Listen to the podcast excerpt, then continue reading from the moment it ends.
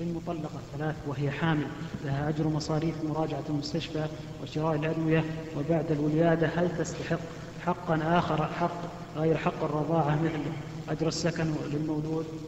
المطلقة آخر ثلاثة طلقات.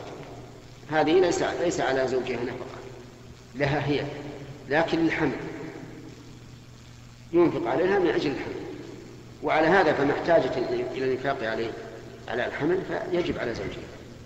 بعد الوضع يكون الإنفاق على الحمل خاص يعني أجرة الرضاع عليه.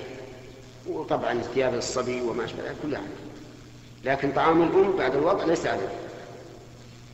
قال الله تعالى وإن كن أولاة حمل إيش؟ فأنفقوا عليهن حتى يضعن حمل